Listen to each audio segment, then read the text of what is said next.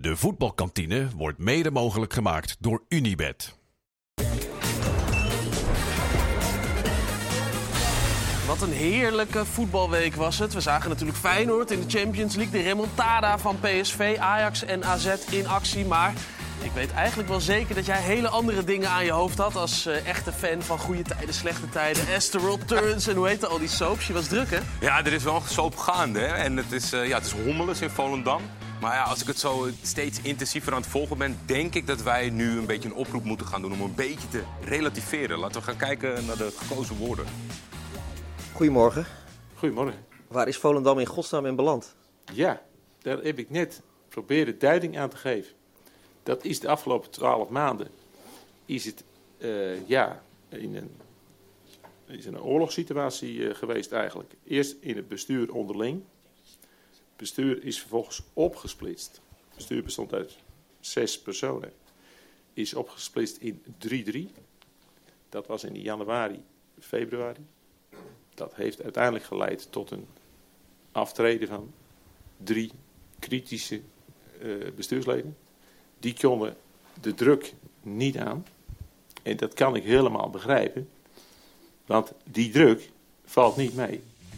Nou, de druk valt niet mee, Ja, niet, oorlogssituatie. maar ja, inderdaad. En dan wil ik hier niet helemaal van alsof ik eh, alles van het wereldnieuws en dat soort dingen. Maar misschien, hè, uiteindelijk is het de belangrijkste bijzaak van het wereld. Het blijft voetbal. Ik hoop wel dat ze er onderling gewoon uitkomen. Dat, eh, dat ze weer de neus dezelfde kant op krijgen in Volendam. Maar ik dacht, een stukje relativeren. Beetje rustig blijven in eh, Volendam. Laten we het over voetbal gaan hebben. En natuurlijk, we zijn aan het begin Oh van de vrijdag. We mogen officieel het voetbalweekend aftrappen. Ga je gang, Jordi. Jij mag het doen. Oh, wat vervelend dit. Gaan we.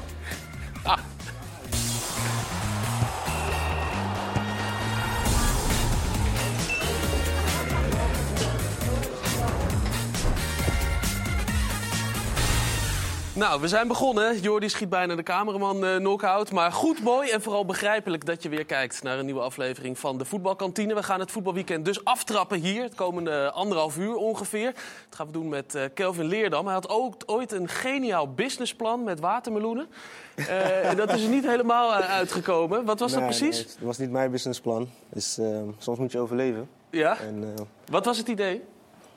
nou, mijn opa die is eh, ja, een hele slimme man, als ik zo mag zeggen. En eh, toen ik nog in Suriname woonde, eh, ja, jaren 90, heb je niet altijd breed. En dan moet je op een bepaalde manier proberen aan je geld te komen. En mijn opa die heeft eh, groenten geteeld, die heeft kippen ge- gekweekt en eh, dat, allemaal van dat soort dingen. Dan ga je verkopen bij, eh, bij de Chinees. En, Ja. eh, met mijn opa toen tijd heb ik watermeloenen geplant. En het was zo heet, dat ik elk kuiltje moet je misschien maar twee zaadjes zetten. Maar ik was moe, dus ik zette er tien. Zonder erbij na te denken dat als ze uitkomen, dat je gelijk tien van die waterboeltjes op elkaar hebt. Dus eh het was geen geslachtplan. Dat gaat niet worden. Ja, ja, Maar het was wel een leuke, le- hele leuke ervaring. Hele Ja, leuke ervaring. zo is het, Robert. Ja. Ja, ja, Daarnaast zit eh, Kees Luiks, die in zijn carrière al een seizoenskaart had van Legoland. Klopt. Ja. Een stuk of eh, drie, denk ik. Vier. Leuk. Ja, twee voor mijn kinderen nog. En dan ging je daar elke week... eh, Ja, ik haalde ze op uit school en dan eh, gingen we, even, gingen we naar, Le- naar Legoland. en bleef leuk. Ja, bleef leuk. Ja, zeker.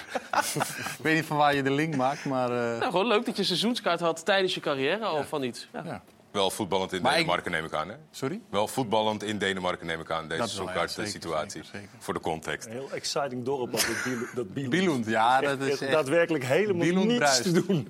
Ja, het is al geen verrassing. Robert Maaskant, welkom. Fijn Ja, dat je je hebt er hem al een bent. paar keer gehoord. Ik, ik- Oh, echt? Ja. Nu al gewoon in de eerste minuut. Ik las deze week. Sorry, je, leert, niet praten vandaag? je leert meer van luisteren dan van praten. Vond maar niet van opvallend. Nee, oké, dat begrijp ik. Maar überhaupt. Ja, toch Ja. een beetje, je business is toch praten? Nee hoor. Nee? Nee. Ook, ook veel Nee, luisteren? coaching is heel veel luisteren juist. Oké. Want anders kan je niet de juiste dingen zeggen. Ja, mooi gesproken. Ja, ben ik weer bijgelegd. Ik, eh, ja, ik- ga weer luisteren deze hele uitzending. Gaan we Hopen dat, ik wat, hoop dat ik wat oppik. En eh, Kevin Hofland, eh, welkom terug. Jij was ooit ook verkiesbaar, net als de man naast je. Jij haalde negen stemmen op in Brunsum. Ik was niet verkiesbaar, Nee? maar eh, Toch was, eh, lijst- is er op je gestemd. Ik was eh, lijst eh Duwer. Oké, ja, we weten helaas nog steeds niet of negen stemmen meer is dan de meneer naast je. Of wel, heb je wat gehoord?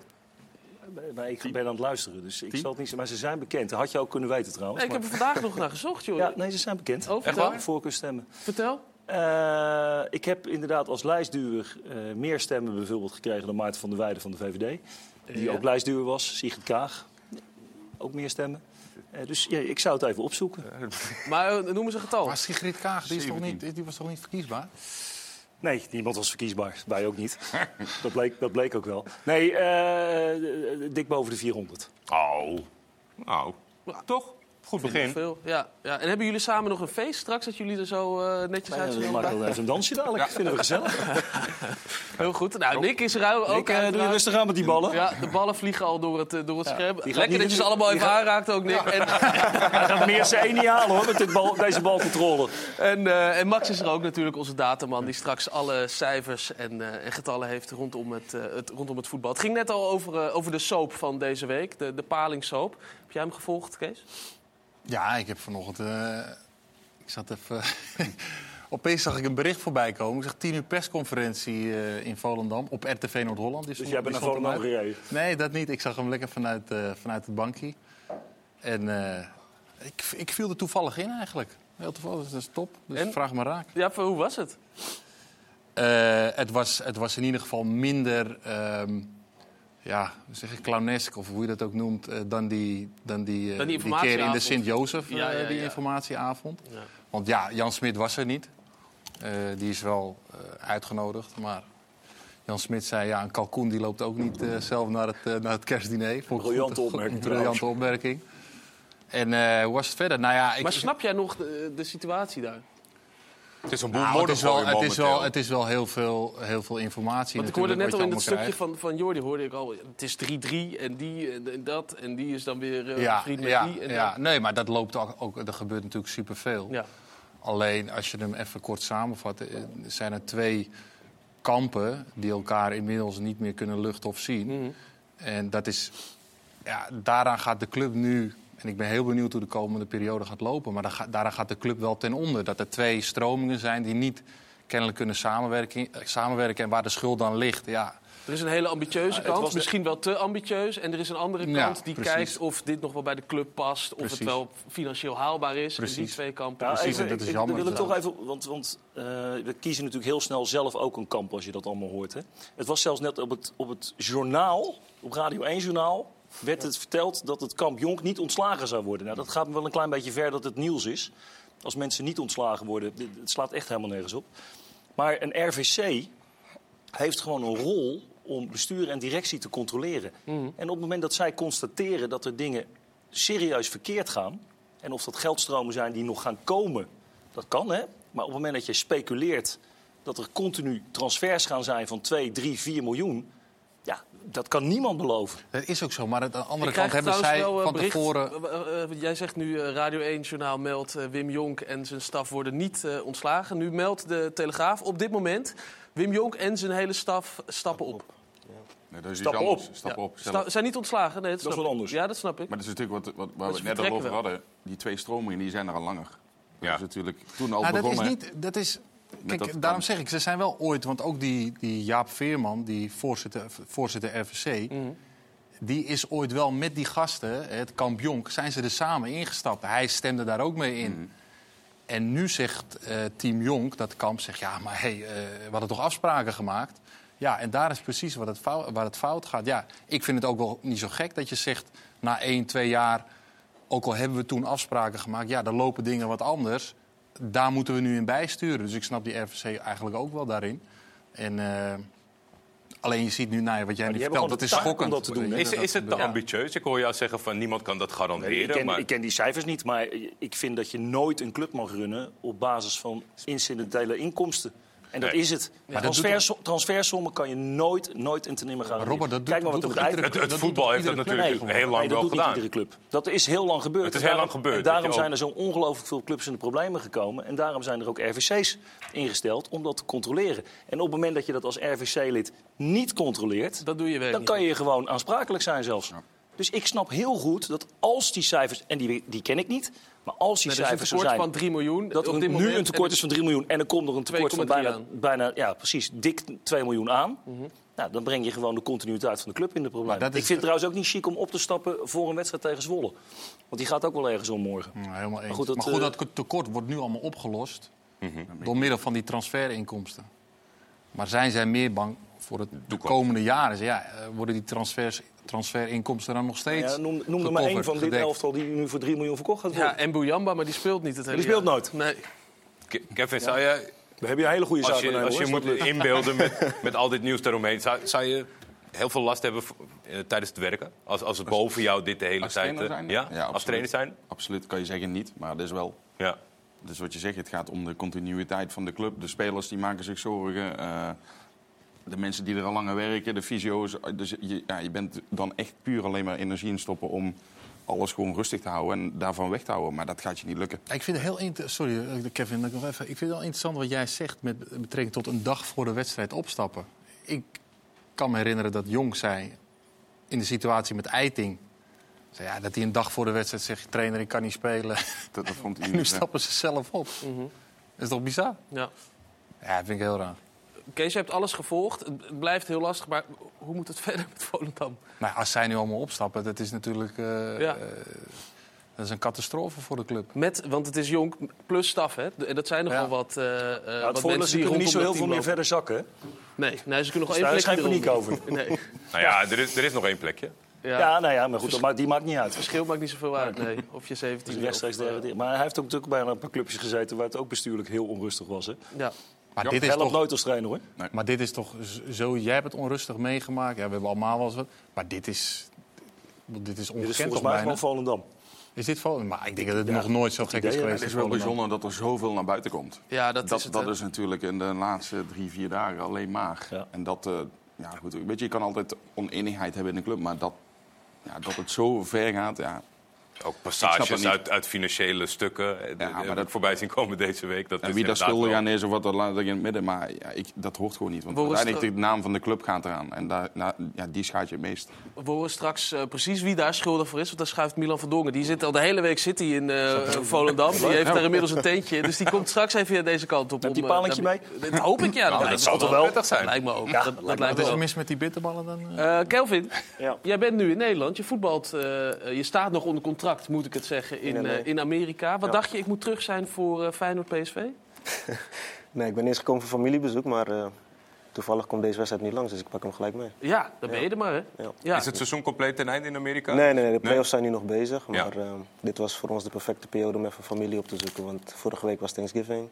Kinderen mogen een paar dagen vrij van school. En eh paar dagen is weer voorbij. Maar jij zegt het seizoen is nog bezig? O- o- De play-offs zijn bezig. Ja, dus... Ja, de- wij zijn klaar. Wij hebben de play-offs niet gehaald. Ja. Dus eh, wij zijn klaar. Is dat dan echt ook een periode dat je, dat je niks meer doet als club zijnde? Want in België heb Het je ook eh, bijvoorbeeld play-off en Het dingen. mag niet in Amerika. Nou, Je hebt een spelersvakbond. Ja. En op het moment dat jij de play-offs niet haalt, dan moet je, mag je nog een weekje een, be- een bepaalde periode mag je nog wel ja, trainen. mag je nog een en korte dan- periode trainen en dan moet je stoppen. Met trainen ook? Ja. dan mag je gewoon niet meer met je team werken. Oké. Ja. Vooral de spelers die transfer, transfervrij zijn of eh, optie nog niet gelicht of zo. Die mogen dan ook geen eh, risico nemen. Dat, dat is bij jou het geval, hè? want je, hebt een, je contract loopt af eind van het jaar. Je hebt een optie. Nou, bij, bij ons heeft gewoon iedereen vakantie hoor. Dus Ja. dit is niet een speciaal geval voor mij. Maar bij ons zijn meerdere jongens eh, waarvan, van- waarvan hun contracten aflopen. Zoals eh, ik, Douglas Costa, Chicharito en zo. En ehm, ja, dan, krijg je, dan ga je met de club in gesprek en dan kom je eruit of niet. En- Ben, je, ben jij nog in gesprek met de club? Of? nee, nee, nu niet. Nu, Nu. Ik zei, ik, eh, een nieuwe uitdaging. Hoe ben gaat je een nieuwe uitdaging. Hoe ben, ja, hoe ben je eronder? Dat je Ik, nee, ik ben heel relaxed. Ik heb een Feyenoord contract uitgediend bij Vitesse, bij Seattle, bij Miami, nu bij LA. Dus eh is iets waar ik aan gewend ben. Ja, en nu dan? wat, wat ga je doen vanaf eh, januari? Nu vakantie vieren, eh, genieten van mijn familie, zorg dat ik fit blijf en eh, kijken wat er op mijn pad komt. Maar waar, waar heb je zin in? Nederland?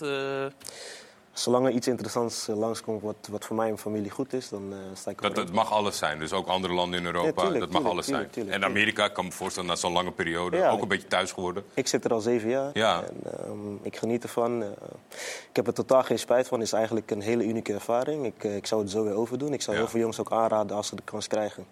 Denk er goed over na. We gaan het straks nog uitgebreid over Amerika hebben, hoor. Ja. Maar dus, eh, Oké, dat is nou goed om te weten. maar je hebt niet zoiets van, ik, ik wil per se terug naar Nederland. Of eh, dat, dat hoeft helemaal Nou, niet. als er iets voorbij komt, ga ik er wel over nadenken. Ja. Ja. Ik, ik ga niet bij voorbaat nee zeggen. Mensen kunnen je altijd verrassen. Dus eh, je moet altijd luisteren. Volg je de Eredivisie nog? Ja. Ja? Ja. Feyenoord je club? Ja. Nog steeds? Ja. Ja. Ondanks hoe ik er weg ben gegaan. ja. Eh, maar voor de rest, ik ben daar opgegroeid. Feyenoord, ik zeg altijd, Feyenoord heeft mij gev- gevormd tot wie ik nu ben. Ik ben daar eh, van een jongen die uit Suriname is gekomen... ja, een grote man geworden. Eh, daarbij heb ik hulp gehad van de oudere gasten natuurlijk, zoals Kevin die Ik daar loopt. net zeggen, op, opgevangen door bijzonder ervaren spelers. Ja, dus ehm, En Ja, 113 ik ben- wedstrijden, eh, dat is een hoop. ja, zoiets. Misschien volgens mij zelfs meer met eh, eh, Europese wedstrijden, bekerwedstrijden en zo. Maar eh, ja, ik heb een hele mooie tijd daar gehad, om eerlijk te zijn. Buiten, buiten één situatie om. was een aanvaring met mij op de training. Nee. Nee, eigenlijk nooit. Nou, als, als je bij, eh, met Kevin... Kevin heeft mij wel eens geschreeuwd. Ja. Nee, dat ik nooit. Maar, Niks voor eh, Kevin. Maar, maar, maar als jij bij Kevin, in ieder geval met mij was het zo... als je bij hem zeg maar, met een goede uitleg kwam waar- waarom je bepaalde dingen deed... dan was hij er wel heel relaxed onder. Ja? En, eh, ik weet Hebben we het dan hier over een voetbalinhoudelijke beslissing? Dat je op een training een actie maakt of, ja. of en hij komt, zoiets? hij komt er altijd op terug. Altijd. Aan het eind van de training. Zie, ik ben En er dan niet zo boos als ik eh, normaal uitzie. Valt wel mee hoor. En dan vroeg hij van, eh, ja, waarom deed je dat nou? En eh, met mij was hij er vrij relaxed onder. Ja. Andere, andere jongens hebben misschien andere gedachten erover, maar ik, ik heb geen reden. Omdat jij een goede uitleg had, eh, dan... Nee, niet per se, want ik had niet altijd gelijk. Nee. Maar als je gewoon op een, op een normale manier eh, een gesprek aangaat, dan denk ik dat mensen op een normale manier terugreageren. Maar was hij misschien dan al een beetje een trainer als, als voetballer? Dat je dacht van... dat- dat zit Jawel, hij sprak heel in? vaak. Hij, nam, hij en eh, Roy, jullie waren ook kamergenoten volgens mij. Roy Mackay? Ja, die, eh, die nam ook vaak de tijd voor ons. Ehm, ik denk dat hij het meest verbaal aanwezig was. Ehm, dus als je, als je daarnaar kijkt, dan denk ik dat ik bij hem eerder een trainer zag dan bijvoorbeeld Gio misschien. Gio was vrij rustig. Roy was ook vrij rustig. En hij was verbaal meer aanwezig. Dus het, het verbaast mij niet dat hij, eh, dat hij trainer geworden is. Jullie selectie toen was wel echt ook een, een mix tussen hele ervaren spelers. Dat waren er vijf, zes, denk ik, eh, die ook, ook in de basis speelden. En hele jonge talenten. Ja. Vonden jullie dat leuk? Je kan me ook, soms is het ook een beetje generatiekloof natuurlijk. Ja, maar dat was ook wel, wel leuk voor ons, omdat je ehm, die stap ging maken, weet je, van... van ja, goed, ik was dan van de ervaren jongens nog een van de jongste. Ja. Niet heel Maar uitzicht, toch? om met hun te werken, die kwamen inderdaad uit een hele andere generatie. En, eh, ja, we hebben voorbeelden gehad met boetes en één minuut te laat. Ja, maar dat is maar één minuut. Ja, één minuut is één minuut. In de, in de wedstrijd één seconde te laat is een detail. Ja. En uiteindelijk ga je zo met elkaar eh, om en, en leer je ook de discipline en de normen en waarden. En dat, dat was gewoon echt een goede mix. Ja, ik, echt, ik moet zeggen, ik heb daar echt van genoten. En ik, nu, moet ik zeggen, nu ik trainer ben en ook vaker met jonge jongens werk, omdat ik natuurlijk zelf wat ouder word, komt dat steeds meer ter sprake. Dat je daar veel meer naar gaat kijken van die jonge generatie, die heb je nu ook. Nou, ik heb zelf kinderen, ik weet hoe ze denken. Maar op dat moment was het voor mij soms, en voor ons allemaal best wel soms, van ja, waarom doe je dat niet? Dat is toch normaal? Een bepaalde frustratie dat je nog niet kan plaatsen. Nou ja, niet frustratie, maar was, voor ons was het normaal. Wij waren zo opgegroeid. En goed. En dat, ik heb die tijd ook nog mee mogen maken. Ja. Ja, dan zei je helemaal niks. Dat was gewoon, je liep als een bal werd weggeschoten, ging je die al halen als jonkie. Bij hun moest je het nog uitleggen. Echt dat traditionele nee, nee, nee, hiërarchie. nee, dat moesten wij bij jullie ook vaak doen. hè. Nee, maar, nee, maar daar werd op een gegeven moment. Maar, maar ik, ik heb daar ook Nee. een aanvaring mee gehad met, met jongens van jong toen, van jong Feyenoord. Ja. Met het doel tellen en die stonden zo tegen de afrastering. Ja. Toen zei ik, kom. Ja. Nee, En maar- dan, de, redder- eh, de redding is nabij. eh, Ja, het jongens. Volendam voorbij. Watcher Nou, eh, Milan van Dongen komt ondertussen binnen. Kom even gezellig Nou, gezellig. Je hebt een lekker pannetje meegenomen. Oh man, ik heb een mental breakdown. Je hebt de hele week op paling op waarschijnlijk. Je We, hebt de hele we week op pakken hem zo weer op ook even, maar even met de Volendam Watcher. Wacht, wacht heel even hoor, want je had het net over een dieptepunt. En toen zei Kevin al dat dat niet een aanvaring was op training. Maar had dat te maken met eh, de wedstrijd van aankomend eh, weekend? Ook Nou ja, ik, weet, ik weet waar jullie naartoe willen. Kijk, eh, ja, er is, eh, ik, heb, ik, ben een beetje, ik heb een beetje geheugenverlies wat dat betreft. Heel nee, maar ik weet, wat, ik weet wat, natuurlijk waar jullie naartoe willen. Nee, maar het is niet maar omdat je zegt ik heb één dieptepunt gehad. En dan eh, Ja, moet je het toch even over hebben. Ja, het, doet, het doet pijn als je, als je met zo'n zo'n uitslag verliest. ja. Weet je, je kan wel zeggen jong, oud, eh, niet ervaren genoeg. Maar ja, Ja, en dat je een extra vervelend aandeel natuurlijk. ik had die een rode kaart. Maar ik heb ook wedstrijden gewonnen. Tuurlijk. Met, met tien man. Ja. Weet je, waar je, waar, waar, waar je achter Nee, het staat. is geen, niet per Nee, definitie nee, nee, dat nee, het maar het is natuurlijk extra het vervelend, lijkt mij, het is die het wedstrijd. Het is extra. Ja, want het werd toen 10-0 voor eh, PSV uiteindelijk. Ja, ik kreeg eh, vroeg in de wedstrijd al rood. Je zegt al, ik heb een beetje geheugenverlies. Is dat, is dat echt zo? Dat je denkt, nou, dat, dat zo'n Nee. wedstrijd, die doe ik ergens in in mijn hoofd. Daar denk ik nooit meer aan terug. Nee, natuurlijk denk ik er wel, eh, wel aan terug. Als, dat- zeker wanneer Feyenoord en Ajax, eh, Feyenoord en PSV tegen elkaar spelen, dan komt het moment altijd wel voorbij. Maar het is niet dat ik er constant mee bezig ben. Nee, het is gelukkig niet. gebeurd. Ja.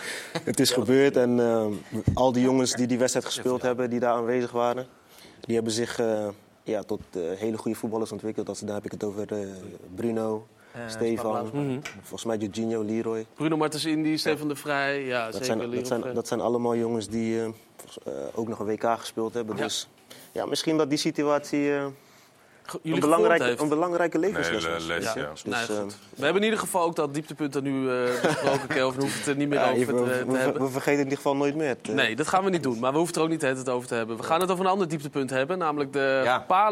Waar eh Milan van. Dongen al een, een, een week lang... Ja, ik zei al, je hebt een tentje in eh Volendam. Nou, bijna waar, wel, ja. Waar je Ja. bivakkeert. Maar dat was niet die kotter wat was vastgelopen. Dat, eh, Nee, die niet. Nee, nee, nee. Gelukkig niet. Nee. ehm, hoe was het vandaag? Eh, intens, eh, bizar, eh, ongelooflijk.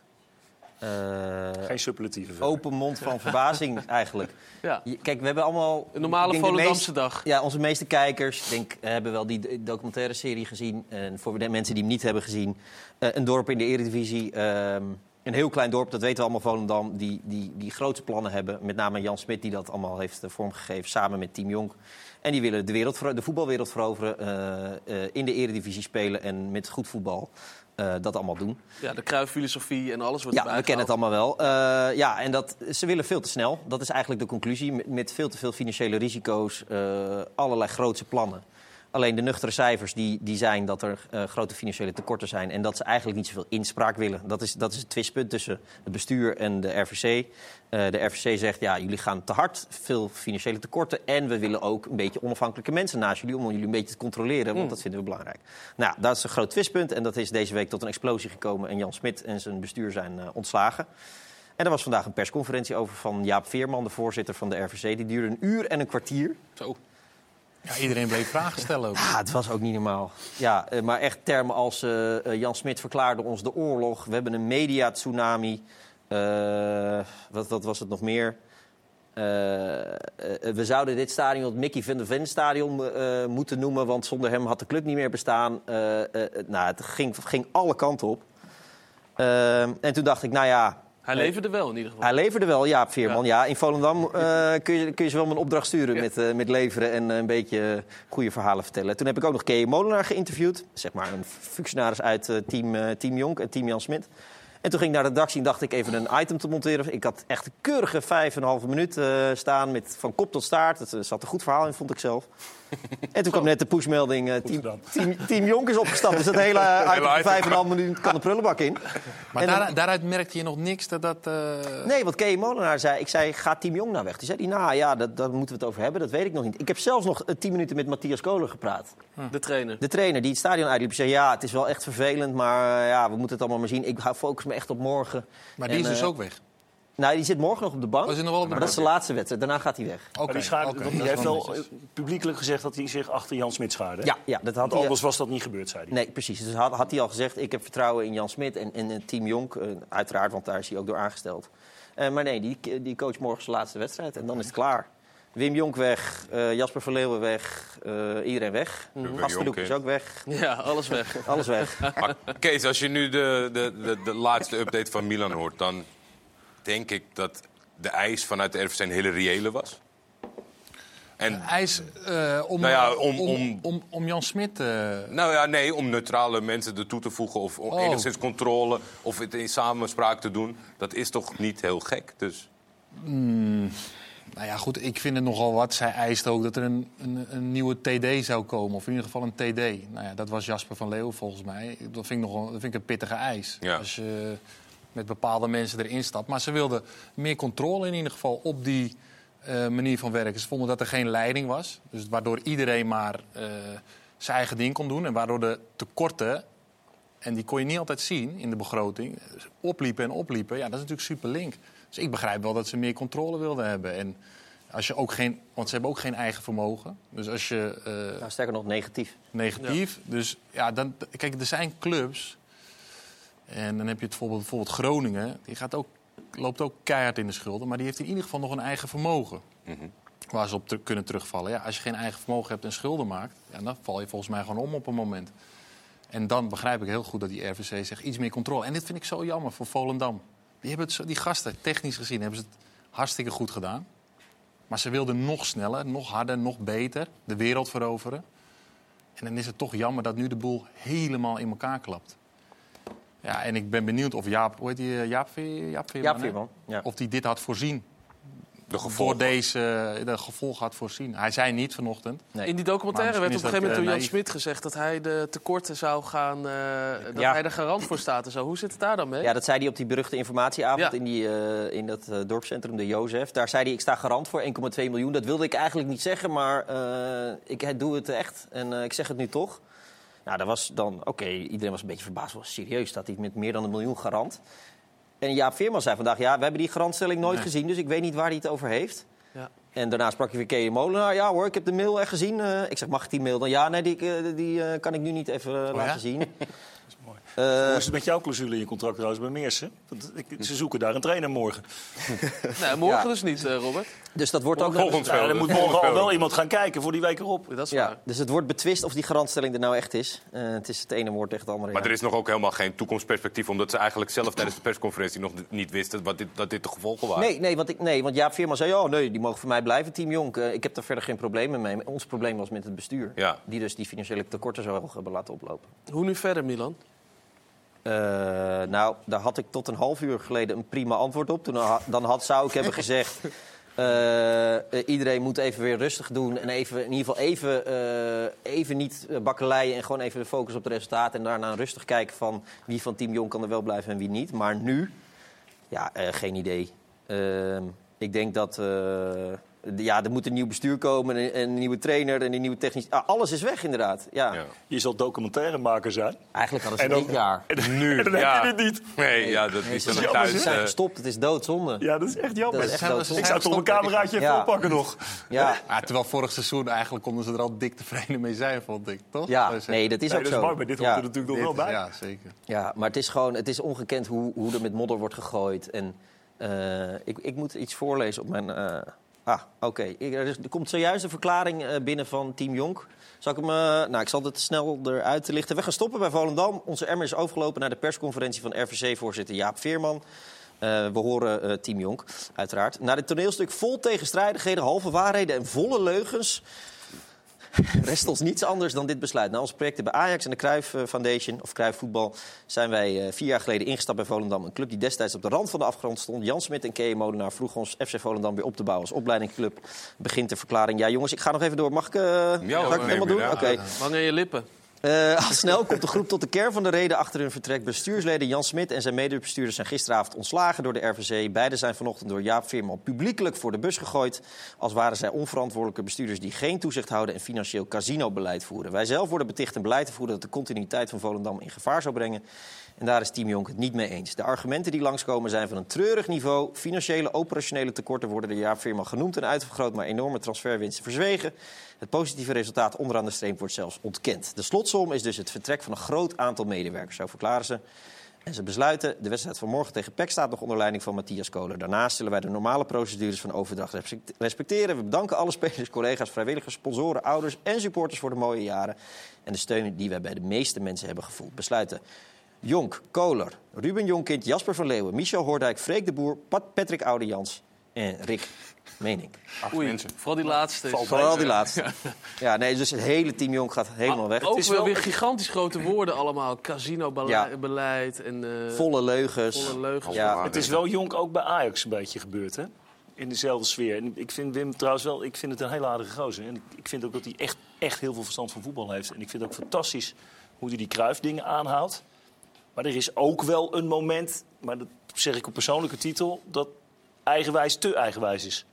Ja. Je, je bent wel een club aan het runnen. Je moet wel ook je mensen meenemen. En over dat financiële beleid zei jij net eerder ook al, eh, Robert. Je kan niet Ja, op dit is volgens transfers... mij. Nee, je kan niet op transfers varen. Dat kan, dat kan niet. Dat hebben meerdere clubs gedaan. En die clubs die, eh, die bestaan nu niet meer. Ik denk toch nog dat heel veel clubs het doen. Ja. Op deze manier. Een begroting maken waarbij je gewoon weet... oké, er is een tekort. aantal miljoen hangt van de grootte van de club af. En, en, en nou, wij zijn bij PSV nog geweest. Ja, doet het toch ook? Ja, daar bouwen ze een, een klein risico in. eh, Ja. Of ze moeten een paar transfers Hebben een doen. eigen vermogen, gelukkig. Ja, en, maar die hebben een, een eigen vermogen van eh, Ja. behoorlijk wat. Ja. En, van En weten. een, en Ajax bijvoorbeeld bou- bouwt het ook in, maar heeft ook een eigen vermogen Heeft van ook een wat is het, eigen 200 vermogen. miljoen. Ja, En Dat PSV weet ook of dat dat er al biedingen zijn op spelers. Ja. Dat vind ik wel iets anders dan dat je met Volendam bijna van de ranglijst En- afblazen. en- En je moet gewoon kijken naar je transferhistorie. Hoe, hoe vaak heb je als club voor nou, boven een paar ton een speler verkocht? En wat Om Volendam is hoe reëel in te houden. Ja, en het geld ging nu over... Toch een- is het wel, Volendam eh, doet het op technisch gebied, doen ze wel eh goede zaken. Ze, ze weten wel spelers te verkopen. En hebben ze met- met Mickey van der Ven, zou je kunnen zeggen, ook geluk. Ja.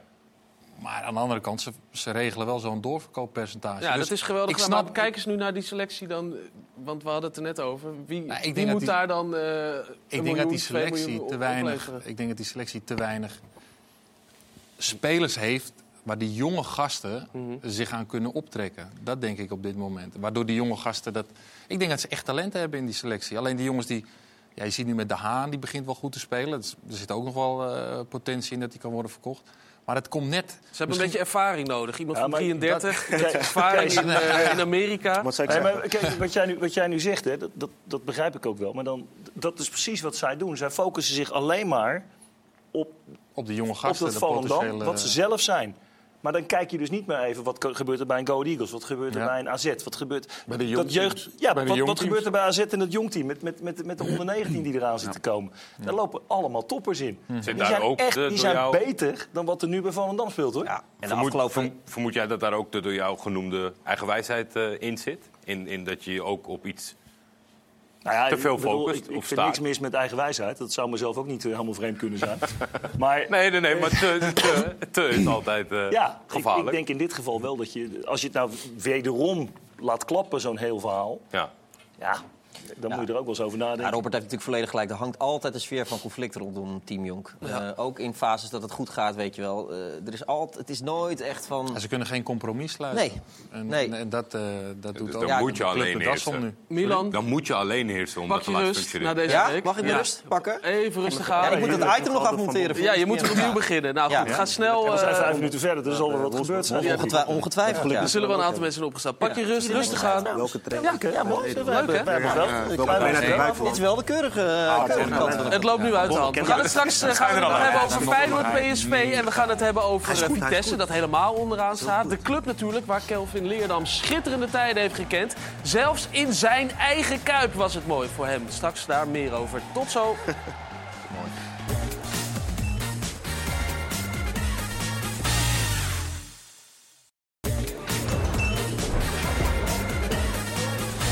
Welkom terug in de voetbalkantine, waar we voorlopig even genoeg hebben gezegd over FC Volendam. In ieder geval tot het volgende persbericht. En wie weet gaan we het er daarna weer uitgebreid over hebben. Eerst maar eens hebben over eh, het aankomende speelweekend. Want het belooft guur te worden buiten. En dan gaan we eens kijken of het ook zo koud is bij Maddy in Uitblinkers.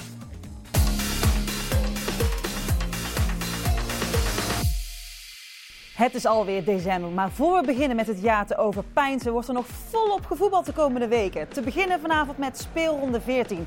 En dat is er eentje waarin sowieso heel veel duidelijk gaat worden wat betreft de spanning bovenin. Ja, achteraf misschien wel. Dan zeker, maar we zitten nu vooraf. Vanavond Heerenveen Almere, maar natuurlijk zijn alle ogen gericht op zondag kwart over twaalf. De kraker, denk ik. Nou, laat dat denk ik maar weg. De koploper op bezoek in de Kuip bij de nummer 2.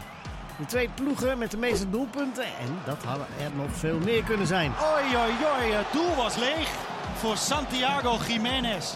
PSV maakte er tot nu toe 48 en Feyenoord 40. PSV had 12 verschillende doelpuntenmakers en Feyenoord zelfs 13. Minte, is er ook nog een vijfde voor Feyenoord. Voor dit seizoen onder Johan Cruijffschaal won PSV in de Kuip. Maar de laatste twee Eredivisie ontmoetingen tussen beide clubs in de Kuip verliepen identiek. In 21-22 kwam PSV op een 2-0 voorsprong. Wat een heerlijk doelpunt dit. En ook voor het seizoen werd het eerst 0-2. Is Wellenreuter voor de tweede keer gepasseerd. Maar beide keren maakte Feyenoord in de extra tijd nog gelijk. Dessus, In 2022 hij doet het en het is 2-2. en vorig seizoen was Jaha Baks de grote held van Rotterdam. Ja, Baks. En daar zit hij erin. Wie grijpt de helderrol deze editie? Voor Feyenoord telt zondag alleen een zege, want anders kunnen ze in Eindhoven net zo goed afwas de platte kar uit de garage halen. Wie wordt de uitblinker zondag? Ik twijfel er niet over dat ze in de kantine daar een mening over hebben. Nou, daar twijfel ik ook niet over. Het gaat in ieder geval koud worden bij deze uitvoering van eh Feyenoord-PSV. Dan moest jij ook wel meteen aan iets denken, Kevin. Ja, viel me net in. Eh, PSV Feyenoord, of eh, Feyenoord PSV toen ook. Toen had het, eh, volgens mij, is 's ochtends keihard gehageld en gesneeuwd. Toen kwamen we de Kuip binnen, moesten we beginnen te warming-up doen. En er lagen allemaal van die ijsballen al klaar. Op de rand. Op de rand. en die werden afgevuurd. En, en bij ons, weet ik nog, Mark van Bommel was natuurlijk niet geliefd, Nee. echt. Nee, niet echt, nee. Dus er was in de warming-up, waar we zo'n paarse trappen ging, balletje zo naar de zijkant. Ja, die lieten maar liggen. Dus bij de reserves, kom maar een balletje brengen. Ja, die waren op een gegeven moment ook op. Dus op een gegeven moment toch maar eh, ik het risico genomen om daarheen te gaan. Gebeurde niks. Getijgerd. En toen daarna iemand anders. En op een gegeven moment gewoon een sneeuwbal. Volgens mij was dat Wilfred Bouma of zo. Die kreeg toen een sneeuwbal eh, tijdens de wedstrijd. eh, net onder zijn oog. Oei, oei, oei. Ja. Wim Jansen ooit, hè? Die, eh, Ja. die was toen net naar Ajax gegaan. En die kon toen niet meer spelen. Die moest, die, die moest Ja, eraf. Gisteren wel. bij HJK Helsinki Aberdeen Ja, hebben ze Aberdeen. bijna gestaakt omdat ze bleven sneeuwballen gooien. ook Dat een was paar ook zo'n eh, mooie wedstrijd. Nou goed, in ieder geval, dat was nog een verhaal van eh, eh, PSV, eh, of Feyenoord eh, PSV in ieder geval. Die wedstrijd wordt eh, zondag natuurlijk ook gespeeld, kwart over twaalf. En we gaan daar uitgebreid op vooruit blikken. Eerst maar even met, eh, ja, met Sinclair, Bisschop trouwens, en Rick de Kok, die eh, op ons eh, hebben gewacht. Mannen, goede, goedenavond, fijn dat jullie er zijn. Goedenavond. S- Sinclair, eerst maar even over de thuisploeg. Want ehm, daar hebben ze een eh, bewogen week achter de rug, net als bij PSV. Maar dan niet zo positief, hè? Nee, want Feyenoord is natuurlijk eh, eigenlijk definitief uitgeschakeld in de Champions League. Ik moet wel zeggen, de vraag zal ongetwijfeld zijn... komt zo'n tik nou hard aan? Ja, aan de ene kant kan je zeggen wel, want Feyenoord ja, dacht toch wel kans te maken in een pool met Celtic, Lazio en Atletico. Hè, met name op basis van die wedstrijden in Madrid en in Rome. Maar aan de andere kant is Feyenoord ook wel realistisch. Hè. Aan het begin, toen de loting was, zei Feyenoord al... als we maar overwinteren, als we in ieder geval Celtic onder ons houden... en in de Europa League eh, terechtkomen... dan denk ik dat we het goed doen. En alles wat meer is, is meegenomen. Maar goed, Feyenoord uitgeschakeld, dan moet die knop om. Want zondag wacht dus eh, PSV. Ja, vandaag op de persconferentie, die hier drie uur geleden was met Arne Slot. Die zat op deze stoel hierachter.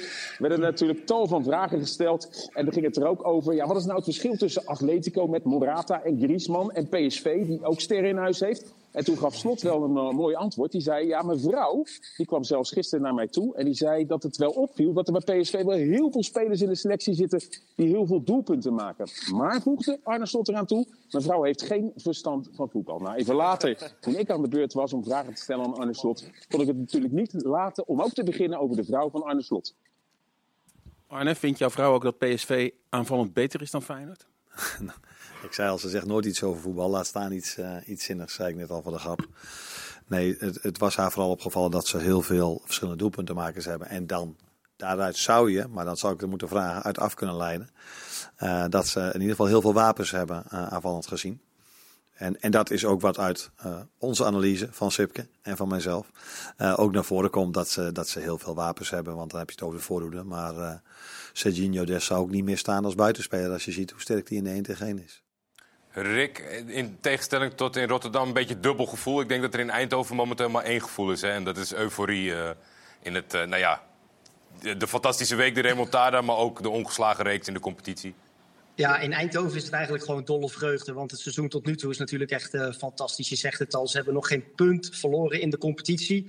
En dan ook die Europese overwintering. Eigenlijk hebben ze pas één wedstrijd verloren hè, eh, dit seizoen. Dat was natuurlijk in de Champions League eh, tegen Arsenal. Maar vooral die remontada van afgelopen week, ja, die, die heeft wel goed gedaan in Eindhoven. 2-0 achter, die rode kaart. En toen die hele wedstrijd eh, weten te kantelen. En toen was daar later natuurlijk op de avond ook nog eens een keer het nieuws... dat Arsenal eh, ruim won en daardoor PSV door is eh, in de Champions League. Ja, en dat zijn ze niet meer echt gewend. Hè? Dat was een hele tijd geleden. En dus ja, eigenlijk wel dolle vreugde bij de, bij de hele club in Eindhoven. Ja, ik denk dat de club daar heel positief op gereageerd heeft. Omdat het al even geleden is dat we overwinteren in de Champions League. Dus dat is natuurlijk goed. Eh, het elftal eh, was natuurlijk ongelooflijk blij. Maar tegelijkertijd weten we dat een paar dagen later een voor ons hele belangrijke wedstrijd tegen Feyenoord op het programma staat. Dus wij hebben niet in de Polonaise gelopen. Wij zijn naar het hotel gegaan. We zijn daar gaan herstellen meteen. Dat betekent eh, goed eten,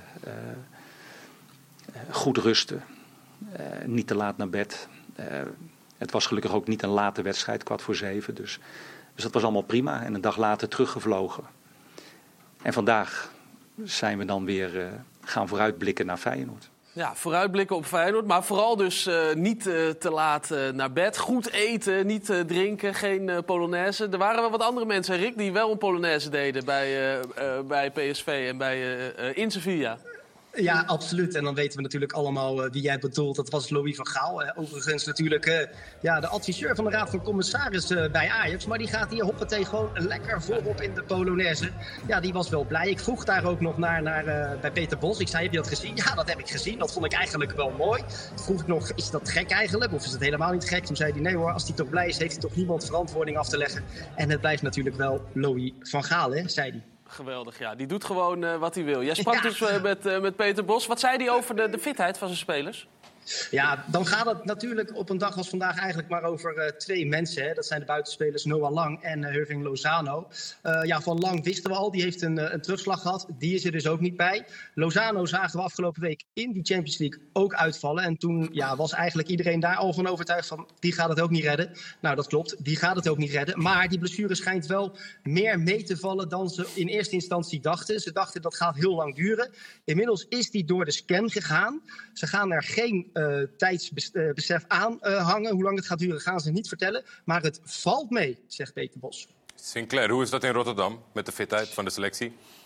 Ja, twee spelers zijn er sowieso niet bij. Bart Nieuwkoop en Jahan Baks. Nou, Jahan Baks zagen we net ook in het filmpje. Hij was vorig jaar de grote man. Hij scoorde toen twee keer tegen PSV, toen Feyenoord met 2-0 achterkwam.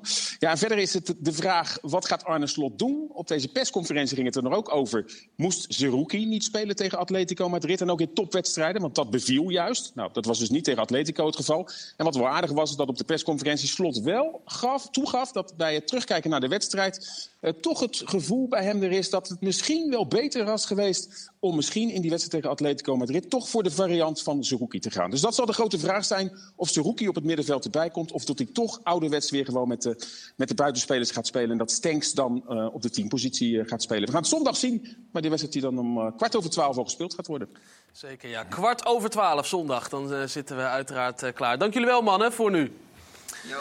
Ja, de grote vraag is natuurlijk, eh, wie gaat de meesterzet doen? Is dat Arne Slot of eh, Peter Bos? Kevin, van wie verwacht eh, jij het meest? Poeh. Ja, ik kijk er wel naar uit, want het is wel aan beide kanten. Ehm, ja, uiteindelijk denk ik dat het thuisvoordeel... dat dat wel eh, meer gaat brengen met het publiek achter je. Ja. Vandaag ook ergens aangegeven, dat, dat speelt wel echt een grote rol. En dan heb je natuurlijk bij PSV een aantal jongens die daar niet echt gevoelig voor zijn. En Luc de Jong bijvoorbeeld niet. Ik denk een eh, Joey Veerman ook niet snel onder de indruk, Schouten niet. Maar ik denk toch dat er een aantal dadelijk eh, van onder de indruk zullen zijn. En dat geeft Feyenoord net wel op bepaalde momenten de laatste zetje. Zeker in het hoge druk zitten. Kun je uitleggen wat dat is dan, die Kuip en dat thuisvoordeel? Want je hebt zowel voor Feyenoord gespeeld als voor PSV. Vier keer de eh, wedstrijd PSV-Feyenoord namens Feyenoord, maar ook namens PSV. Vier keer, dus je weet precies hoe het voelt van beide kanten. Hoe is het dan om in die Kuip te spelen? Ik vond het altijd lekker eh, om, eh, om zeg maar, eh, tegen Feyenoord te spelen als uitploeg. Dat gaf mij zelf een kick. Als ze tegen je begonnen te fluiten. Maar het was natuurlijk nog mooier als je, als je zelf in de Kuip speelde. En het werd even wat lastiger. Dan konden ze ook best wel wat negatiever zijn. Maar uiteindelijk, ja, daar kwam dat. En er Ja. kwam echt zo'n zo'n zo'n wave van geluid. En je voelde het stadion dan zeker als je een kans kreeg of een doelpunt maakte. Dat, dat, ja, je voelde het hele stadion meneer. En op een gegeven moment, ja, gaat het allemaal vanzelf. Dan lijkt het alsof alles vanzelf gaat en Ja. alles goed gaat. Dus eigenlijk in beide gevallen eh, was het goed, lekker voor je. Ja, ik, ik vond dat heel leuk. Ik werd, moet ook zeggen, ik speelde liever uit. Ja, nee, buiten de Kuip, maar speelde ik liever uitwedstrijden. was ik echt, eh, ik vond het heerlijk als ze mij uitfloten. Vond ik echt, eh, kreeg een kick van. Ja, het meer Zuid-Europese competities eh, in je carrière moeten kiezen, denk ik, als ik het zo Ja, we hebben een aantal van die clubs gespeeld en dat beviel me eigenlijk wel. Maar Ja, helaas, ik kan me voorstellen. helaas niet geworden. Kelvin, wat is, ja, je volgt de Eredivisie nog. Wat is jouw verwachting eh, bij zondag, wat we te zien krijgen? Nou ja, het, je hebt in ieder geval te maken met twee trainers die beide de bal willen hebben. Ze doen het wel een beetje anders in balbezit. Ehm Feyenoord wil natuurlijk een eh, man meer creëren. Dat doen ze voornamelijk met Geertruida, vooral als hij hier als back speelt. Komt hij het middenveld in. En Peter Bos wil de bal hoog op het veld van de tegenstander winnen. Dus ja, ik ben benieuwd. Maar ik denk wel dat ehm, eh, het gemis van Noah Lang en eh, Lozano... dat kan wel een heel groot verschil maken. Ja, dat dacht ik eigenlijk woensdag ook. Maar dan komt Vertessen er opeens in, Kees. Ja, daarom. Die gaat rennen. Ja, die gaat, ja, maar Vertessen kan inmiddels wel meer dan, eh, dan alleen rennen. Hij is super effectief ook voor, eh, voor PSV. En iedere keer als hij invalt, ja, dan... Ik, ik denk, maar ik moet het nog even navragen aan... Is Max er? Max er? Max? Ik heb het nog niet aan jou gevraagd, maar... Nee, ik denk dat, dat Vertessen misschien wel de effect- meest effectieve speler is van PSV. Gezien de minuten die hij iedere keer krijgt. Hij gaat meteen aan de slag. Ja. Ik hoop dat ik, dat ik niet uit mijn nek klets. Maar hij, doet het, hij heeft het al, dit seizoen altijd heel goed gedaan. En, Maar het is wel nu Eh, echt de invaller. Nu, nou ja, hij krijgt eigenlijk nu de voor kans. nu- ook. Hij krijgt nu de kans vanaf het begin. Dus dat zal die, en dan moet je hem niet meteen afrekenen op deze wedstrijd. Want dat is ook niet fair. Nee. Maar als hij een aantal wedstrijden de kans krijgt, ik ben wel benieuwd. Ik vind dat er wel echt een, eh, een stijgende lijn zit in, in zijn ontwikkeling. En je moet het even doen, hè? Sevilla uit, invallen en nou, toch wel mede verantwoordelijk voor die, voor die ommekeer in die wedstrijd. maar, jij, Dus- maar, jij benoemt iets, maar je moet het wel doen. Sevilla uit. En ik vind dat deze week...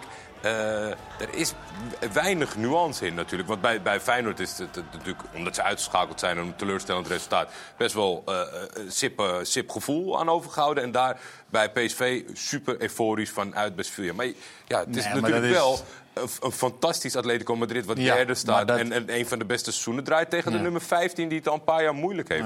Maar dat maakt dus Nee, maar- eigenlijk niet uit in het Nou, voetbal. voor mij wel. Ik vind dat daar een staat 2-0 ontzettende nuance, in zit. Alleen eh, als het gaat om Vertessen, vind ik, vind ik dat weer anders. Weet je? wel. Ik, ik had met name Ja, voor zijn hem. individuele prestatie Ja, dan daar. eh, dat vind ik. En, en, en dat het een groot verschil was tussen Fey- of het Atletico Madrid en Sevilla. Ja, absoluut.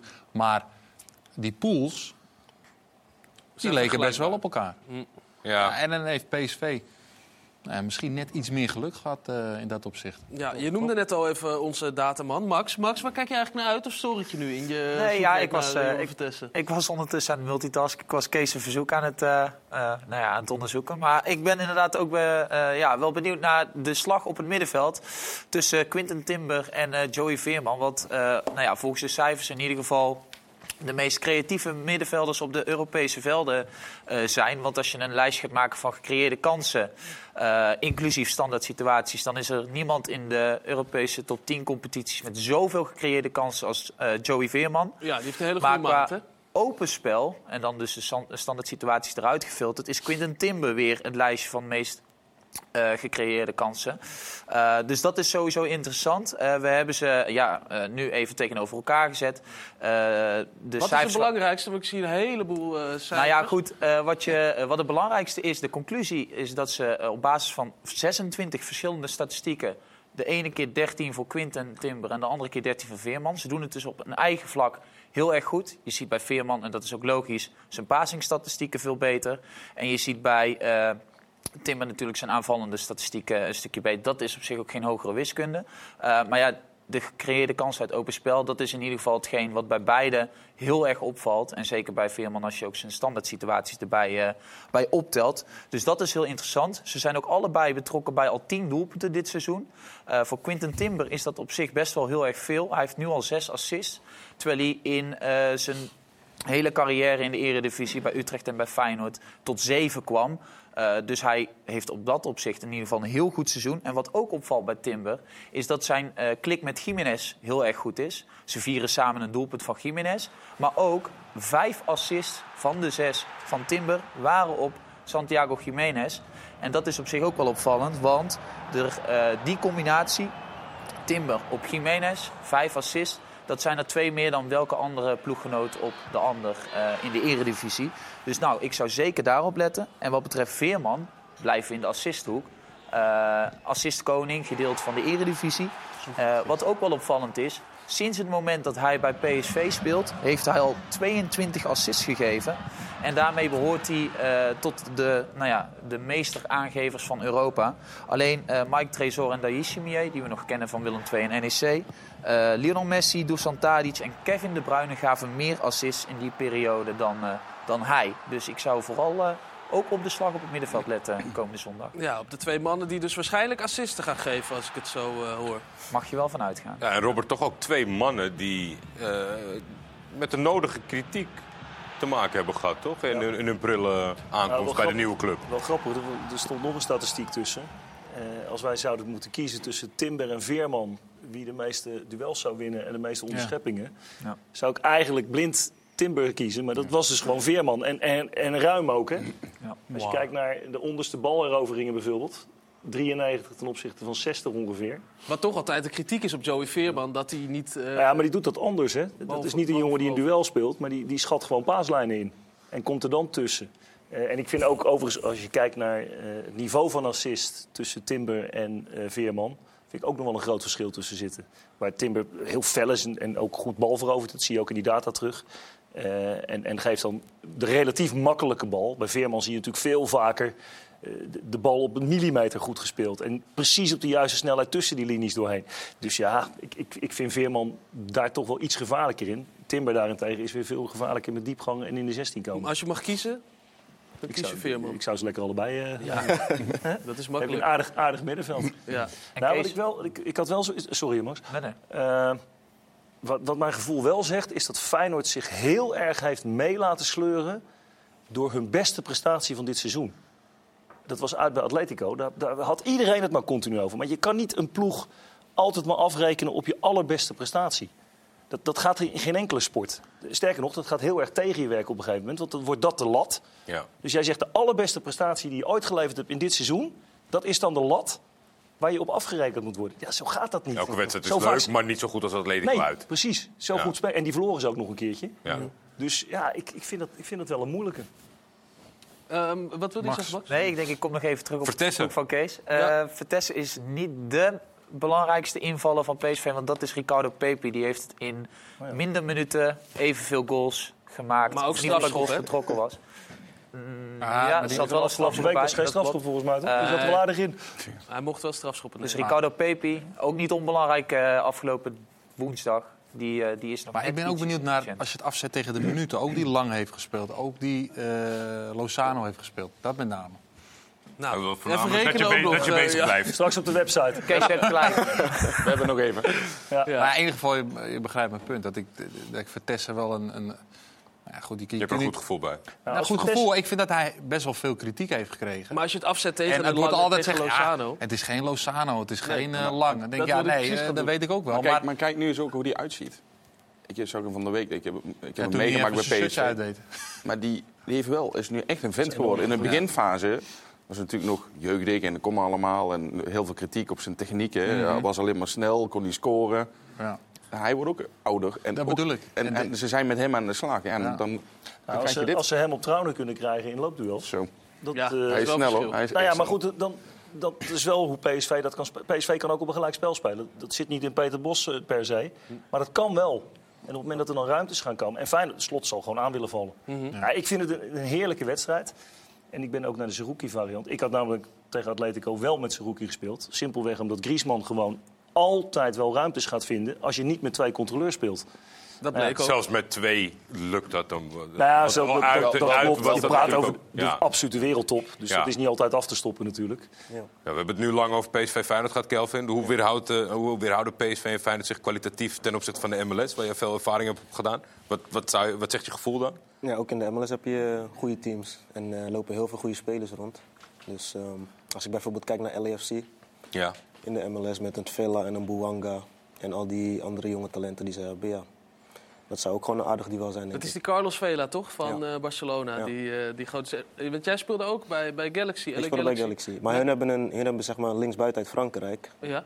Die is, die is niet normaal, man. Wie- Hoe wie is dat dan? Buanga. Dennis Bouanga. Buanga. Goede speler, groot, sterk. En ehm, Die gaat er wel nog de overstap maken, denk je?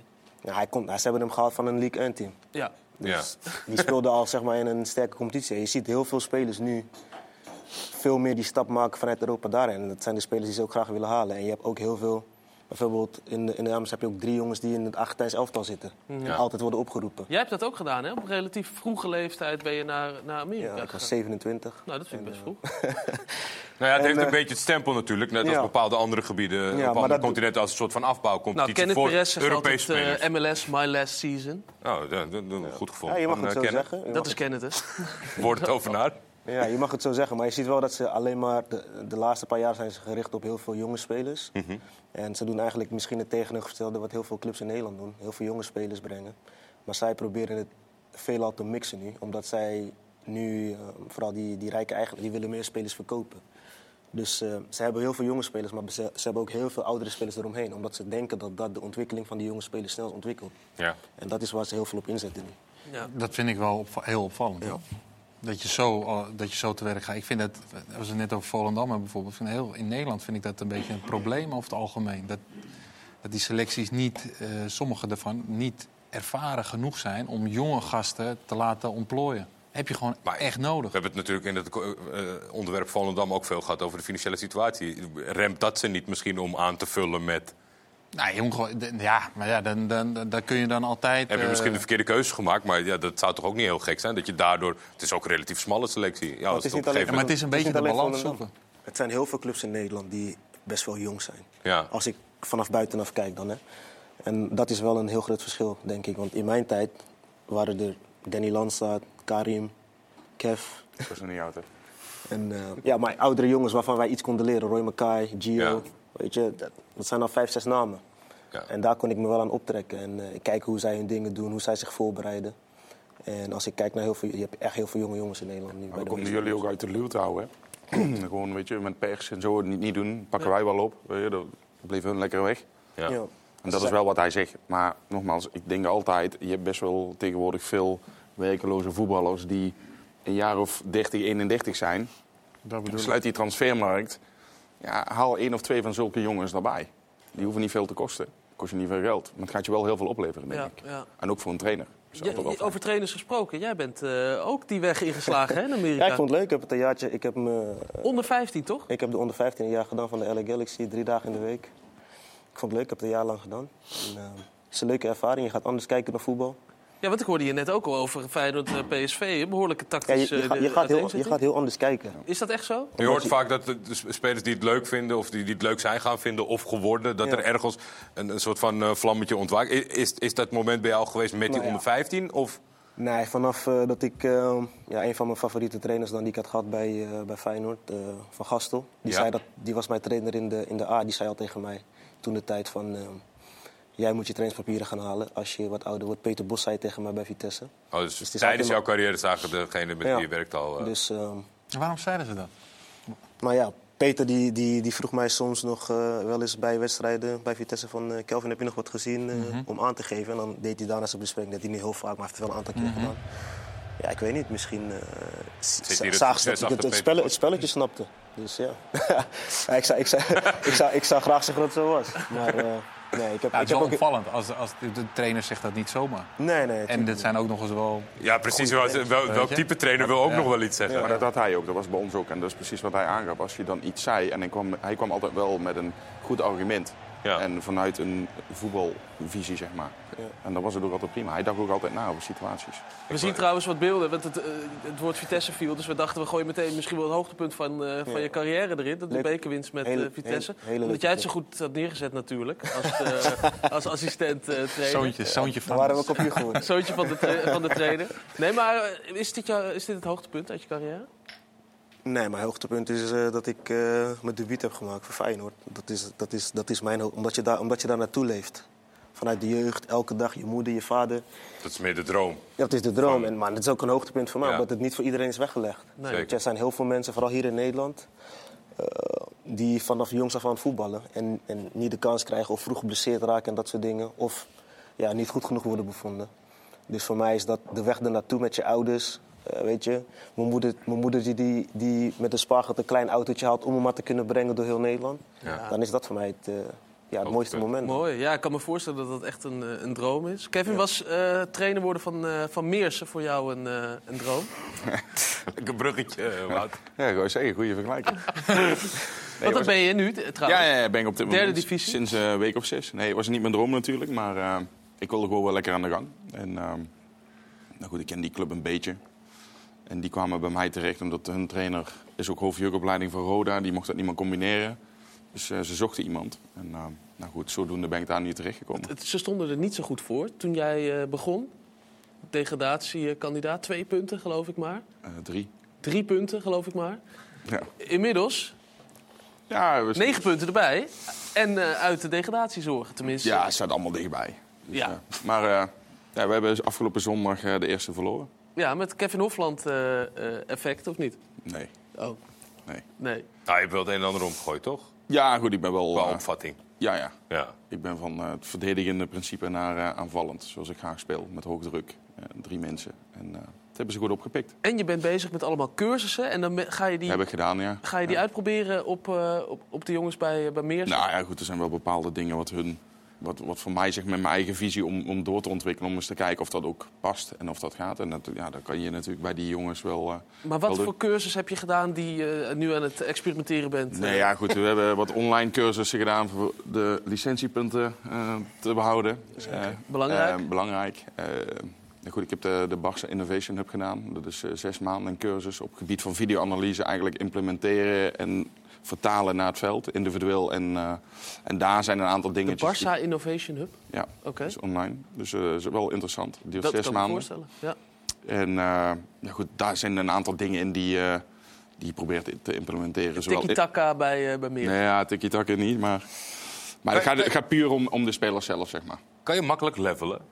Hartstikke gepa- gepassioneerd, je hebt een beeld bij, je wil Ja. graag aan het werk. eh, En dan is het nu, ik begreep, twee keer in de week trainen. Ja. Bij Meersen met eh, ja, toch eh, amateurs, zeg maar. Ook in een opvatting en misschien wel een wensen of een bereidwilligheid. Kan je dat? Nou ja, goed, kijk, aan de voorkant weet je natuurlijk dat je zeg maar, amateurniveau gaat. Dus dat, daar weet je al dat er gewoon andere dingen belangrijker zijn dan de wedstrijden winnen. En alles eromheen. Maar ehm, ja, er zijn soms best wel dingen waar je tegenaan loopt. Alleen, nogmaals, ik, ik leer mezelf nog beter kennen. Ik, kan, ik was al- altijd heel impulsief. Dat is al een stuk minder geworden. Nu wordt het nog minder. Omdat je gewoon dingen al voor kan zijn. En ja, het is gewoon super fijn. Die groep, eh, gisteren ook weer even met vier jongens gesproken, training gisteren. Dramatisch slecht, echt. Leuk voor ons te zitten Dat was- kijken. Nee, maar dat hebben ze ook verteld. Ja, oké. Ja, dat- zo eerlijk ben ik. Dat wou ik En- zeggen, dat, dat zou je wel zeggen. En dan heb ik vier jongens bij me geroepen. En heb ik ook met hun erover gehad van... waarom zeggen jullie niks? De huidige generatie, weet je, die gaan dan naar binnen. Ja, zo slecht getraind.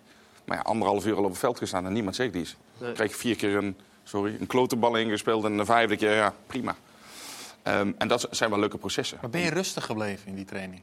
Ja, ja, heel rustig. Ja. Dat is een mooie. Nee, maar je zegt, ik- ik zeg dan gewoon helemaal niks meer. Vijf minuten. Dan ga ik Ja. gewoon kijken en dan... Ja, maar dan denk, moet En dan denk ik, nou, weet je, we gaan gewoon lekker naar de andere. Want ze zouden nog gaan afweken. Die heb ik eruit gehaald. We zijn gewoon kleine partijen drie tegen drie gaan Ja, doen. ja. Ik denk, nu ben ik benieuwd. Maar, Ja. Maar dat is toch, dat is toch de kunst als trainer, dat je dan Nee, ik ben daar wel eventjes echt gaat kijken. Ja. Wat, Wat gebeurt er? gebeurt, of in plaats van dat onder controle willen houden, Nee, dat- ingrijpen. maar zo en, ben ik eh, sowieso niet. Ik ben dan echt gewoon afstand nemen. en Ben je altijd even- zo geweest? Ja, in het begin niet. Dus wat ik zeg, in het begin niet. Ja. Dat was ik heel impulsief. Ja. Zeker toen ik jeugdwinner bij, bij PSV werd. En dat Ja. echt een stukje, stukken beter. Eh, bij Fortuna had ik dat soms. Maar daar ben ik al ook door mijn assistent toen, Christel die Ja. zei ook, weet je, Ja. gewoon lekker terug. Ja. En daarom... Ik is ook goed voor je hart, denk ik soms. Toch of niet? Nou, niet alleen voor je hart. Maar ik ben een enorme denker. Dus ik Ja, blijf precies. dan de hele tijd... eh, Ja. En nu kan ik dat gewoon echt makkelijker loslaten. Ik denk, weet je, het is wat het is. Volgende oefening. We gaan ze weer helpen. Ja, dat soort training heb je wel eens. Maar ja. dat heb je ook bij eh, een BVO. Heb je dat ook al. Maar het is ook aan je te zien dat je rustiger eh, eh, bent als Ja. trainer. Want er, ge- er gebeurt ook opeens van alles eh, Ja, geen stress, hè? aan de bovenkant van je, Ja. van je hoofd. Ja. Ja. ja, dat is je nieuwe... Ja, toch? Ja, als Ja, trainer van. Willem II zagen we altijd die, die Ze hebben kale... strenge winter voorspeld, dus ik denk... eh, ik sta nog wel eens regelmatig op de golf aan. Dus ik denk, ja, weet je, we laten maar weer eens even wat haren groeien. Heel slim, heel slim, Kevin. Goed, we gaan eh, En niet straks... naar Turkije geweest ook, hè? Dat is ook wel... Nee, dat is ook wel gewoon, misschien wel nodig, maar ik ga niet. Dit is allemaal eigen kweek. Goed, straks gaan we het hebben over eh, de aankomende speelronde. Alle wedstrijden komen voorbij, want we gaan voorspellen. Dat gaan wij niet doen, maar dat gaan eh, Kevin en Kelvin doen. En we gaan naar Wembley, naar eh, Londen. Want daar wordt gevoetbald door de Oranje Leeuwinnen. Heel graag tot zo.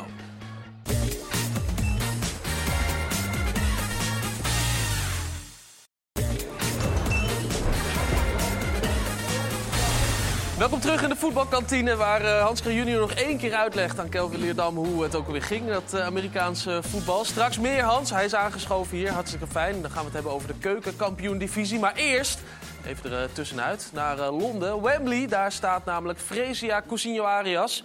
Fresia, het wordt een hele bijzondere wedstrijd vanavond hè, tussen Engeland en Nederland.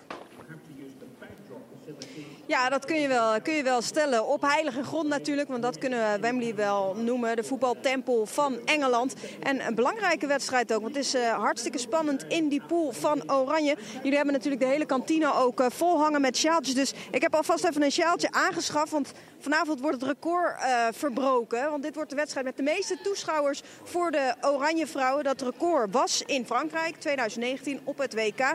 Eh, toen er met 2-0 verloren werd van Amerika. Maar dat wordt dus deze wedstrijd. Dan weet ik dat de voetbalkantine helemaal vol hangt. Maar deze kan ook nog wel bij, toch heren? Absoluut. Ja. Hoeveel, hoeveel zijn het er dan, Freesia? Weten we dat vanavond? Wat, we eerder... Hoeveel? 70.000. Ja. Ja, maar ze hadden het over 75.000, maar er zijn altijd wel een aantal no-shows bij zo'n wedstrijd. Dus ik verwacht ergens inderdaad tussen de 70 en de 75. Maar ik begreep dat er net ook wel eh, dat de tickets nog wel aardig hard gingen. Dus misschien gaan we wel richting die 75. Maar het is hoe dan ook een eh, record. Wat ook wel prettig is voor Jonker om te weten, is dat in ieder geval hij een heel ervaren ploeg heeft wat dat betreft. Alleen Daphne van Domslaar heeft nog niet eh, voor ja, deze getalen gespeeld. En een Kelin Dijkstra die centraal achterin staat ook niet. Maar voor de rest heeft hij een hele ervaren ploeg. Die weten wat het is om finales te spelen, om grote wedstrijden te spelen. Dus die zullen het misschien even voelen als ze het veld opstappen. Maar die zullen dat heel snel van zich af kunnen spelen. Nou, de twee belangrijkste dingen heb je in ieder geval gemeld. Wij krijgen een sjaaltje erbij en er komt een eh, nieuw toeschouwersrecord voor de Oranje Leeuwinnen. Dan nog even toch, want je zei het wordt een hele spannende wedstrijd vooral. Wat is ook weer die stand in de groep voor Jordi? Ja, Nederland die staat eerste, dus ze hebben alles volledig in eigen hand. En misschien enigszins verrassend, maar België die staat tweede. En Engeland zal dus moeten. Sarina Wiegman is werkelijk heilig verklaard hier, jaar na jaar, wat ze natuurlijk bereikt heeft met eh, Engeland. Door eerst natuurlijk Europees kampioen te worden hier. Dus wat dat betreft hebben ze mooie herinneringen hier aan Wembley. En ook de finale te behalen in Australië en Nieuw-Zeeland afgelopen jaar. Maar er is een beetje de klad ingekomen. Je merkt een beetje aan die ploeg dat ze moe zijn van toernooi op toernooi. En eh, die volle voetbalkalender. Maar nou zijn er wel een aantal geblesseerde speelsters die terug zijn gekomen. Nou, Nederland heeft het goed gedaan in september. Dat was in de Galgenwaard één groot feest. En wisten ze uiteindelijk met 2-1 te winnen. En dus is voor Oranje, eh, ze spelen komende dinsdag nog tegen België. En eh, in principe is er gelijk spel vanavond ook genoeg als je dinsdag wint van België. Maar Andries Jonker, ja, die, die gelooft daar natuurlijk allemaal niet in. Hè?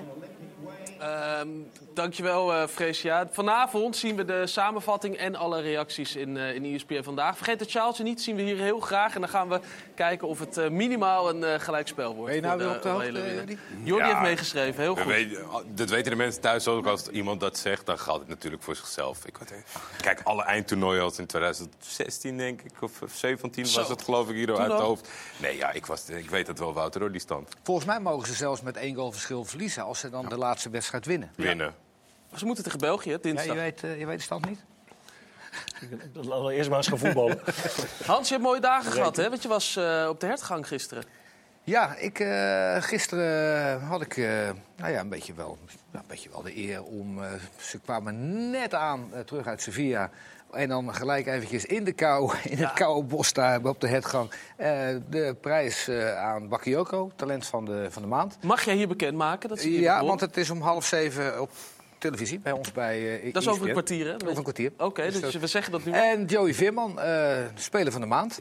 En ja, mede door dit. Maar de meeste passes eh, vooruit op de helft van de tegenpartij was jij. En, ik heb nog een statistiek voor Zal je. toch niet? Ja, zeg het maar. Ik heb echt geen idee, Hans. De één na meeste balveroveringen van alle spelers in de eredivisie. Zou het dan toch nog gebeuren aan zee? De één na meeste 28 balveroveringen in drie wedstrijden. Ja, dat is best veel. Dat is best veel. Ja. Alleen eh Koopmeiners eh, die, die, die had er meer, maar die doet dat wel vaker. En, Ja. Ehm, wat, eh, wat, wat zegt dat jou richting eh, de criticasters? Nee, niks, Hans. Ik heb een stukje van jou gezien. Ik, eh, je had helemaal gelijk in dat stukje. Dat ik, eh, ik, heb een, ik, ik, ik vind het allemaal prima wat ze ervan vinden. Ik, het is wel goed zo. Ja, hoe bedoel je een stukje van mij dat ik dat Ik, ja, ik heb het toevallig gezien bij eh Goedemorgen Eredivisie. Dat je zei dat ik eh, erom lag en dat ik het allemaal laat gaan. Dus dat, eh, dat stukje heb ik inderdaad gevonden. En, Heel eh, apart dat ik ook een keer gelijk Ja, heb. je hebt ook een keer gelijk. Dus eh, nee, wat, wat, ja, weet je, de ene keer is het leuk, de andere keer is het niet leuk. Ja, het, het, het- het hoort er nou eenmaal bij en ik heb mezelf erbij neergelegd. Mooi. Ja, hij heeft wel een kort nachtje gehad volgens mij, Joey Veer. Ja, voor geen Polonaise en veel rust. Ja. Ze zitten daar, maar het, was, het vroor toch ook gewoon daar? Ja, dat is Ja, wel ja, heel ja, goud. ja. Ja, daar heb je gelijk. In Sevilla? Nee, Oh, je, hier. zit- je zit Ja, daar, nee, eh, daar, ja. in zo'n bos. Maar geloof jij dat, Hans, als iemand zegt het, het doet me niks, dan, dan is het Eh, toch vaak andersom? niet, niet, niet helemaal. Hij, ehm, hij vertelde daarna, ehm, want ik wist niet precies wat ik gezegd had. Ik had blijkbaar gezegd van, weet je, hij, eh, hij leest alles, hij ziet alles. Is een enorme freak. Hij ziet elke wedstrijd, leest alles. En, eh, maar hij heeft wel iets dat hij eh, wel een schifting maakt in welke kritieken hij tot zich neemt. eh, van voetballers die, die nou ja, voetballers en, en, en trainers. Daar neemt hij wel iets van aan. En voor de, voor de rest heeft hij ook wel iets van... Er lopen ook wel partijzeikers bij die alleen maar kijken wat hij niet kan. En ehm, bijvoorbeeld Frenkie de Jong vinden we allemaal geweldig. Maar die kan niet schieten en maakt nooit een goal. Nee. Daar hebben we het nooit over. En dat vindt hij wel eens selectief eh, eh, kiezen. En hij wil zich helemaal niet met Frenkie vergelijken. Hij zei ook van, ik heb Wiever en Reinders echt nog voor me. Maar ehm, ja, ik vind wel, eh, jij hebt het ook gezegd... dat hij zo stilletjes aan en stiekempjes er wel aan werkt. Dat doet hij ook. Hij, ik werk eraan, ik ben ermee bezig. Maar ik laat me niet gek maken door iedereen die alleen maar de nadruk op eh, balverlies heeft. En het laatste wat ik wil zeggen, ik begin een beetje... Nou, ik zit toch met twee trainers aan deze kant. Een trainer Eh, onder en een 15, hè? toekomstig- En een toekomstig trainer. Ja. Een trainer onder Waarom 19. niet? Eh, u, eh, traint je eigen zoon? Traint C. Oh. Maar wat wilde je zeggen? Nou, als je heel vaak de bal hebt, zoals PSV, hoef je hem niet zo vaak te veroveren. Dus doet hij wel, hè? Dus dan is het nog knapper. Dat hij hoger staat dan Timber in de, in de ranglijst. Ja, wat we ik- net ik, eh, zagen hier. Dus hij Ja. werkt er hard aan en hij zegt helemaal niet dat hij in oranje moet. Hij zegt helemaal niet dat we allemaal gek zijn. Maar ik vind, ik vind hem- wel een, een, een, een, ja, een open, eerlijke... Wat ik wel mooi vind... Wacht even, Robert, want ik zou willen vragen of, of Kevin en Kelvin... zouden jullie alvast richting de voorspellingen Ja. willen Oh ja. lopen? Ik En dan- maak het weer te lang natuurlijk. Ja, dat ben ik ben weg. Nee, Hans? Nee, want je, als je nou kijkt naar Veerman, naar het verwachtingspatroon... Speler van de maand, dat zegt mij ook niet zoveel trouwens, maar... eh, Nou, beste dan moet hij, van de maand. moet hij aanstaande zondag... ga je ook weer verwachting bij hem neerleggen. Van, nou, dan, moet, dan, moet, dan moet hij iets bijzonders gaan doen, toch? Eh, succes eh, allemaal jongens erbij. Ja, We gaan naar de voorspellingen. Hans veel, Hans, maar... Trainer, meer antwoorden volgende keer. Ik, ik, nee, ik Denk heb er even over na. Nee, dus, drie minuten had ik. Ja, Hans, voetbal op Veel vrijdag, hè, succes met de Meersen tegen. TOGB. Ja. Het weekend. Klopt. Je hebt je ingelezen, Hans. Tot zondag. Goed, hè? Hans, eh, voetbal op vrijdag, hè? waar kijk je naar uit? Mooiste wedstrijd? Groningen, kijken of die het een klein beetje door kunnen Ja, dat zou mooi zijn, ja. Zonder Kevin van Veen, hè? die zit in, eh, in Schotland, bij zijn Ja, vrouw. En ik denk dat hij na de winterstop ook in Schotland blijft. Ja, ja. Ja, die, goed. Fijn uit, Dankjewel? Oké, dan gaan we Ja, snel... ik kan er ook eh, niks aan doen dat ik zo weinig tijd krijg hier. Nee, ja, dat is ook zo. Kevin en Kelvin voorspellen de eerste drie eh, letters graag van de club die gaat winnen. En anders een grote X, als je denkt dat het een eh, gelijkspel wordt. Vanavond is deze wedstrijd al, hè? Hebt er geen twee eh, stiften. Ook gelijk voor We mij. hebben Ja, denk ik. twee hebben we. Ja. Thuisoverwinning voor Heerenveen. En eh, die komt er ook bij. Ze Ja, Kevin, eens. ga- vooral door, hoor. Oeh, daar komt hij. Volendam, Pek. Ja, Volendam, we hebben nu ja. zoveel gehoord over, eh, Pek. over Volendam. Deze een x'je. Gelijk spelletje. RKC, Excelsior, zegt Kevin gelijk. Ja, mooie wedstrijd. Morgenavond. Kelvin gaat voor Waalwijk. Is jouw clubje, hè? Fortuna. Vitesse of thuisoverwinning voor Fortuna tegen Vitesse. Kijk. Ja, dit, dit zijn eigenlijk jullie twee oude clubs eh, tegen, tegen elkaar. Kelvin, wacht nog even. Ja, ik weet niet, man. Een gelijkspel voor zitten wel Kevin in de- bij Heracles Sparta. Kelvin, we hebben Eh, wel eh, zeg maar een naast... terug, kom Ja, oké. We hebben een programma na ons dat, dat in principe niet wacht op ons. Dus die gaan Niet klappen er gewoon de zo in. We kijken hoe lang we Deze kunnen maken. eh, lag wel in de lijn der voorspelling, denk ik, van Kelvin. Feyenoord wint thuis van PSV. Ja. Als we net horen. Hoogtepunt van de carrière. Ja, dan- Deze is interessant. Twee keer Feyenoord. Oh, ook Feyenoord. Gelijk spelletje, zegt Kevin bij NEC Ajax. Go Eagles thuis. Kunnen ze stunten tegen Twente? Nee. Of Twente Kevin, wint of niet. gelijk. Ja. En AZ wint. En dan is dit hem. Fortuna Oeh, wint helaas. van Fortuna. Vitesse. Ja. Kelvin gaat toch gewoon voor de punten. Hè? Ja, nee, nee, vind ik mooi. Vind ik mooi. In principe al onze gasten doen aan, eh, aan passionele keuzes. Maar dit Nee. is gewoon eh, voor het harde klassement. Heel, heel goed. Groot gelijk. van Elvis Manu, hè? Ja, ja. Elvis eh, die heeft het eh, inderdaad heel goed gedaan. Zeven punten had hij. Heren, bedankt voor vanavond. Fijn dat jullie er waren. We hebben het voetbalweekend eh, denk ik goed afgetrapt. Jordi, het was een mooie trap hoor, het begin van jou van die Ik denk uitzending. dat het niet meer mag volgende week. Jongens, succes, succes tegen TOGB. We gaan elkaar in het weekend ongetwijfeld zien. En Kelvin, succes met het vinden van een nieuwe club. We hebben net gehoord dat Nederlandse clubs wat meer ervaring zouden kunnen gebruiken. Dus dat komt helemaal goed voor je. Hierna kun je gaan kijken naar ESPN Vandaag. Daarna dus voetbal op vrijdag met Twan en Hans. En daarna weer een ESPN Vandaag met dus de samenvatting van eh, de Nederlandse vrouwen tegen Engeland op Wembley. En daarna voetbalpraat. Voetbalpraat. Je zit gewoon de hele avond goed bij eh, ESPN. Sowieso zit je het hele weekend goed bij ESPN. Dit was hem eh, voor nu. Tot volgende week. Dag.